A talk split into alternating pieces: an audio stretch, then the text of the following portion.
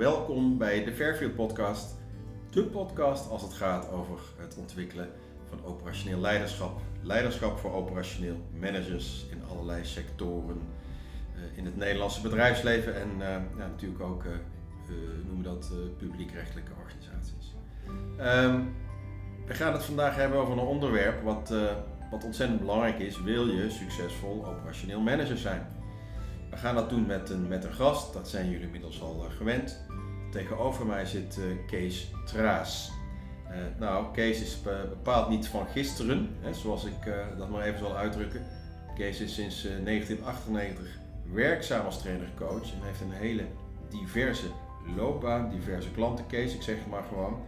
En ik zie dat jij met name de laatste 4, 5 jaar eh, als expertpartner werkzaam bent bij bedrijven die, waar operationeel management een belangrijke rol eh, speelt. Klopt hè? Ja, nou de laatste 4, 5 jaar met name. Ja. Eh, sinds 98 heb ik dat eh, ook wel vaker gedaan, maar ook nog wat, op wat andere fronten als trainer-coach actief geweest.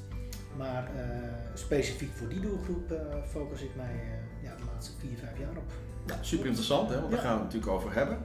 En ik zie ook dat jij een, een ervaring hebt ontwikkeld waarvan ik weet dat het een lastige is. Is dan namelijk dat jij goed om weet te gaan met lastige groepen. Hè? Want het gebeurt nog wel eens dat, eh, eh, dat er een, een programma eh, wordt opgestart dat de deelnemers, eh zo zachtjes zegt, wat kritisch kunnen zijn. Hè? Dat het eh, een pittige klus is om de boel eh, in beweging te krijgen. Ja, dat klopt. Dat, eh, er zijn natuurlijk mensen met een hele hoge intrinsieke motivatie om zichzelf te ontwikkelen, eh, deel te willen nemen aan ontwikkelprogramma's. Eh, maar er zijn ook heel veel mensen die, die, die, die ervaren het toch als een moetje. Ja. Een, een, een speeltje vanuit HR, eh, een moetje vanuit het management. En sommigen zitten dan met eh, gezonde tegenzin in zo'n sessie. En eh, een aantal mensen zitten er ook met ongezonde tegenzin in. Kijk, dat, eh, dat zijn herkenbare zaken. Ehm, ik ben Bart Godding, ik ben van Fairfield en ik, eh, ik hou me bezig met het ontwikkelen van leiderschap bij operationeel managers. Ik doe dat 15 jaar en ik vind het het leukste wat er is. Ehm, Kees, we gaan even een bruggetje maken. Ik sla even het velletje om. Ehm, we gaan het hebben over een, een, een- iets wat iemand moet kunnen, een operationeel manager. Eh, die moet iets kunnen om succesvol operationeel manager te kunnen zijn.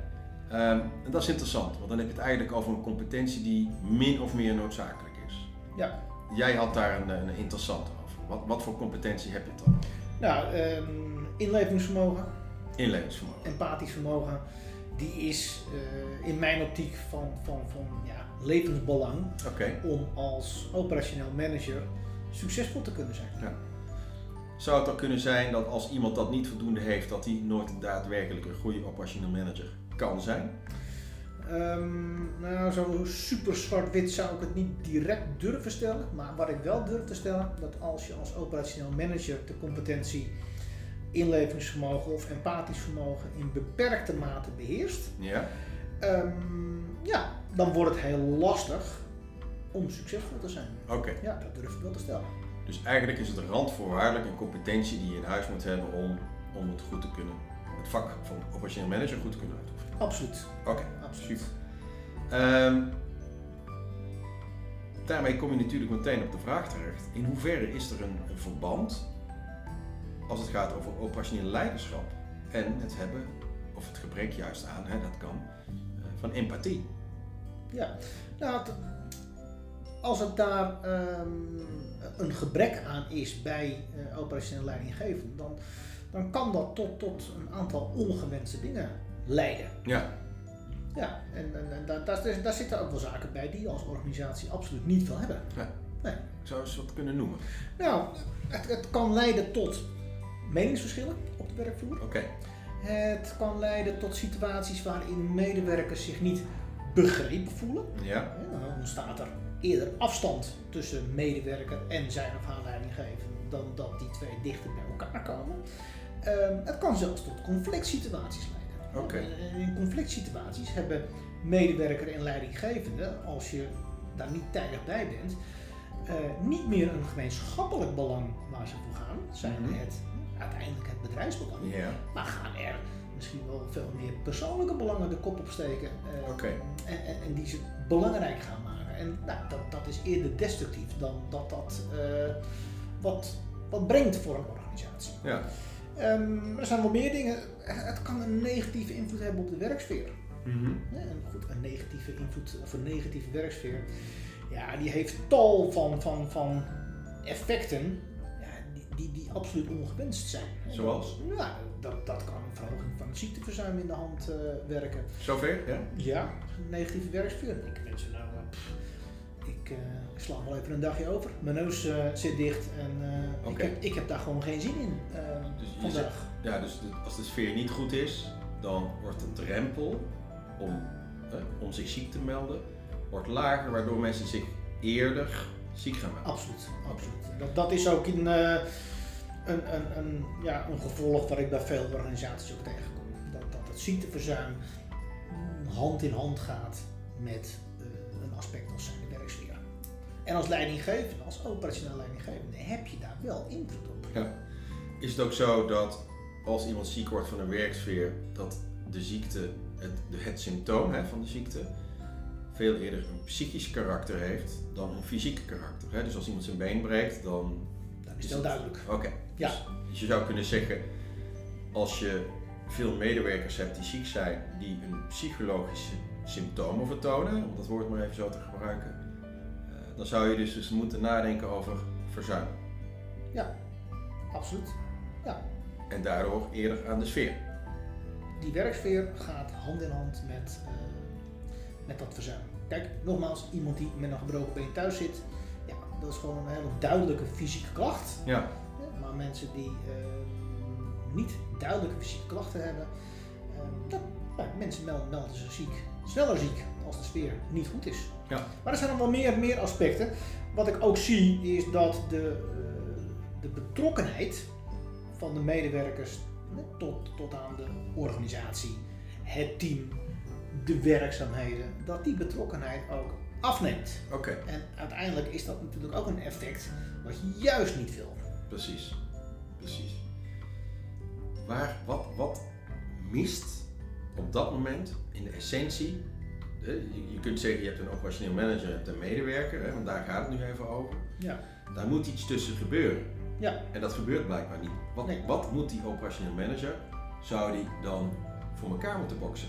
Ja, kijk, in heel veel situaties wat ik zie is dat er niet een echte verbinding is tussen operationeel leidinggevende en medewerker. Oké, en zijn dat bepaalde type bedrijven, Kees, die je daarin kunt zeggen, nou, die, die, daar kom je dat meer tegen? Is daar Ja. iets van te zeggen? Nou, ik zie het meer bij technisch georiënteerde bedrijven dan bij de wat minder technisch georiënteerde bedrijven. Het is, het is wel een aspect wat, wat eigenlijk in iedere organisatie eh, wel kan ontstaan en Ja. wel aanwezig kan zijn. Maar de ervaring die ik heb, althans ik heb het vaker bij technisch georiënteerde organisaties gezien dan eh, bij andere. Oké. Interessant. Dat betekent namelijk dat mensen vaak ook een opleiding hebben gevolgd, een technische opleiding. Ja. Wat ik wel weet is dat er in technische opleidingen eh, vaak relatief weinig aandacht is voor de menselijke component. Eh, ik herken het wel, want ik merk ook dat mensen die een technische achtergrond hebben, het menselijke aspect soms best wel een beetje pittig vinden. Omdat dat eh, ja, niet min- minder vanzelfsprekend gaat. Hè? Dat is ook wat jij zegt. Dus jij zegt eigenlijk, let op, technische bedrijven. Je hebt die mensen die hebben een aantal hele goede competenties. De competentie van leiding geven en verbinding maken is geen vanzelfsprekend. Nee. Oké. Nee, en wat je net al aangeeft, hè, eh, de, de, het menselijke aspect, dat, dat is vaak onderbelicht in ja, technische opleidingen. Ja. Ehm, als, als, als voorbeeldje, op het moment dat ik met mensen in gesprek ben en ik laat alleen al het woord gevoel vallen, dan zie ik bij sommige mensen al dat ze, dat, dat ze er zich ongemakkelijk bij gaan voelen. Dus zover gaat het. Ja, het mensen- noemen van het woord zelfs. Ja, Betekent dan dat mensen een bepaald van, oh jee, dat, dat, dat is voor mij even ingewikkeld. Dat is eh, voor velen een, eh, ja, een, no-go. Daar, daar heeft men het liever niet over. Men, men praat veel liever wel over technische zaken. Tegelijkertijd, en dan komen we terug op het belang van empathie, is het een van de belangrijkste randvoorwaarden om succesvol teamleider te zijn, hè, of operationeel manager. Terwijl het tegelijkertijd ontzettend moeilijk is. Want het zit niet in hun meest voor de hand liggende DNA. Hè? Om het Nee. even een beetje gek uit te drukken misschien. Ehm, en je hebt het over verbinding. Had je net ook over.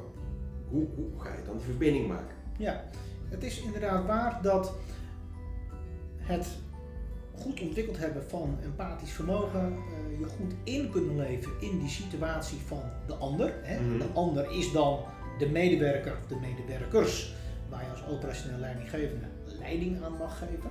Ehm, dat, dat is aan de ene kant een hele belangrijke voorwaarde om succesvol te kunnen zijn.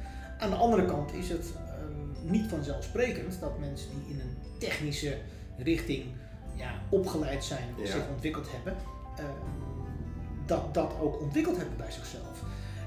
En het is ook wel een aspect wat best lastig is Ja. om te ontwikkelen. Hoe doe je dat dan? Ik probeer te zoeken naar iets praktisch, hè, onze luisteraars. De kans is best redelijk aanwezig dat, eh, dat er mensen luisteren die zeggen: Ja, ik heb deze technische operationeel manager in huis. Ik wil ze graag versterken, ik wil ze graag hè, een stukje vooruit helpen. Wat is dan hetgene wat ze, waar ze over na zouden moeten denken?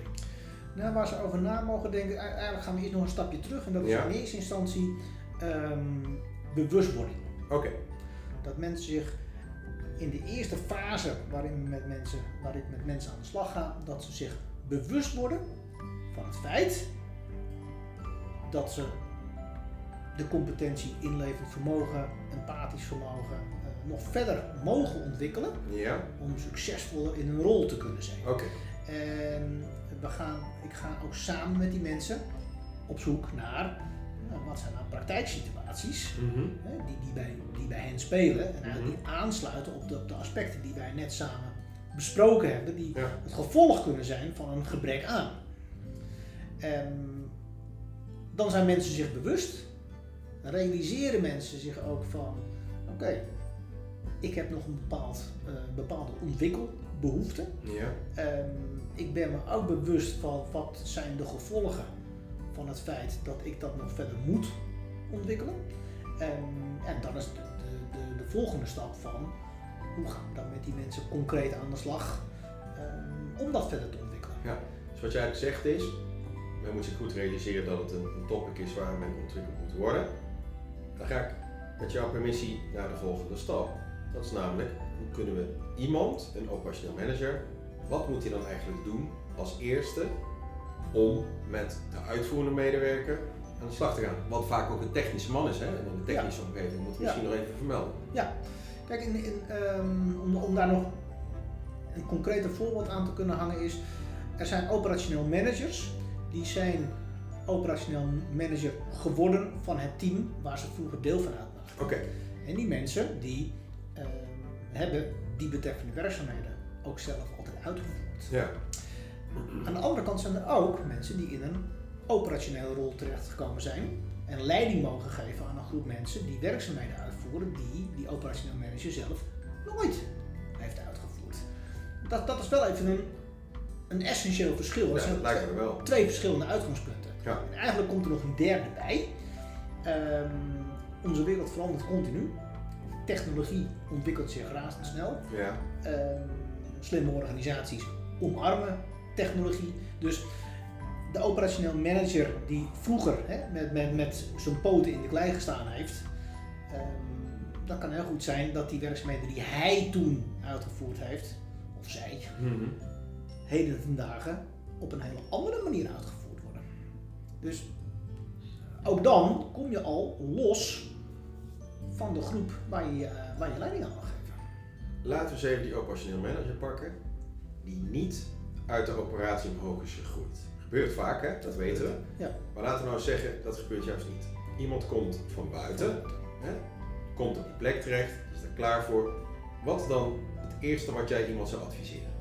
Nou, op het moment dat daar duidelijk een eh, situatie is waarbij de verbinding niet op dat niveau ligt waarop we dat graag willen hebben, en dat Mhm. er dus eh, allerlei neveneffecten, ongewenste neveneffecten zijn, ehm, dan moet iemand er verstandig aan om te werken aan die verbinding. Oké. Relatie mens-mens. Ja. En dat, dat is, nou, nogmaals, voor technisch georiënteerde mensen ook wel eens een, eh, een lastig verhaal. Ja.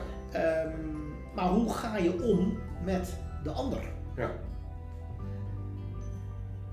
Hoe zorg je ervoor dat die relatie tussen die twee beter wordt? Ja. En waar het uiteindelijk om draait is, hoe zorg je ervoor dat het vertrouwen groeit? Ja. En een gebrek aan vertrouwen, ja, dat kan allerlei negatieve effecten hebben. Ja. En dat, dat vertrouwen, dat moet groeien. Zou het kunnen zijn dat als je je manager, ik spreek even als uitvoerend medewerker, als ik mijn uh, operationeel manager niet voldoende vertrouw, dan zal ik nooit open en eerlijk zijn over hetgene wat mij bezighoudt. Ja, kijk, en onderschat vooral niet de rol van een operationeel manager. Ja. Een operationeel manager die, die, die, die heeft een aantal belangrijke taken. Een aantal, vervult ook een aantal belangrijke rollen. Mhm. En een van de cruciale rollen die een operationeel manager uh, heeft, is dat een MT formuleert beleid. Ja.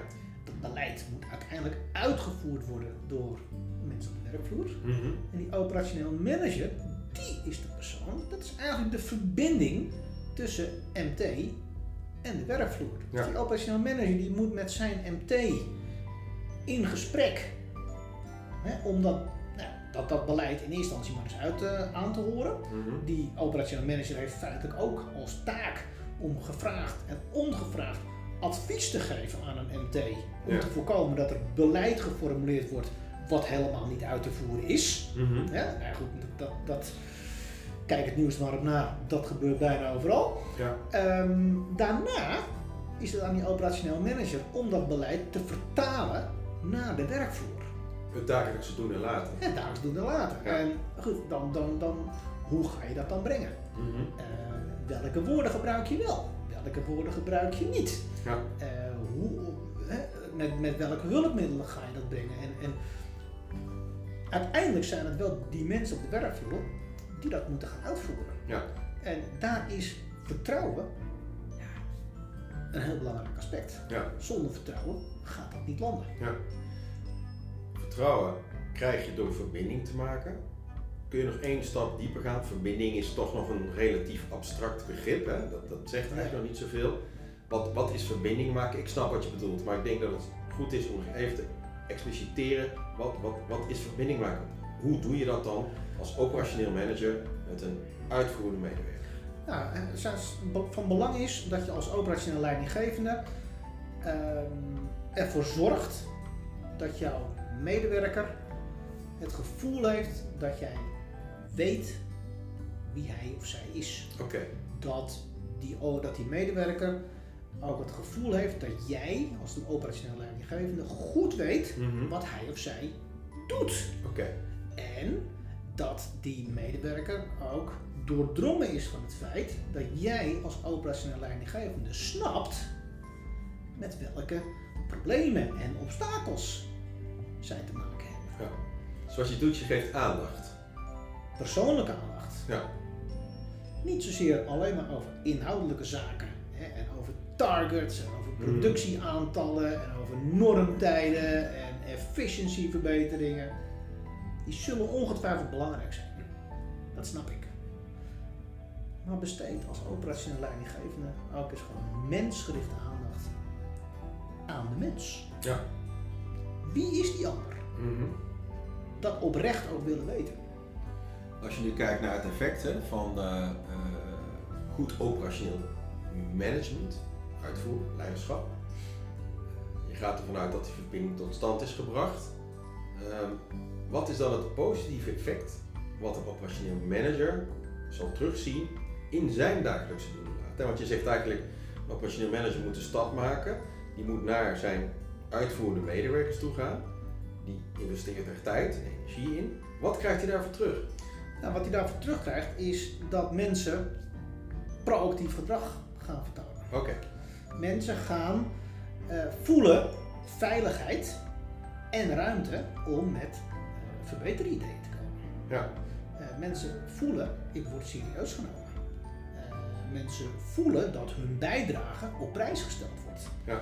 De, de, de drempel wordt vele malen lager om met elkaar over inhoudelijke zaken in gesprek te gaan. Het wordt dus niet een eenrichtingsverkeer, Ja. maar er gaat dialoog ontstaan. Ja.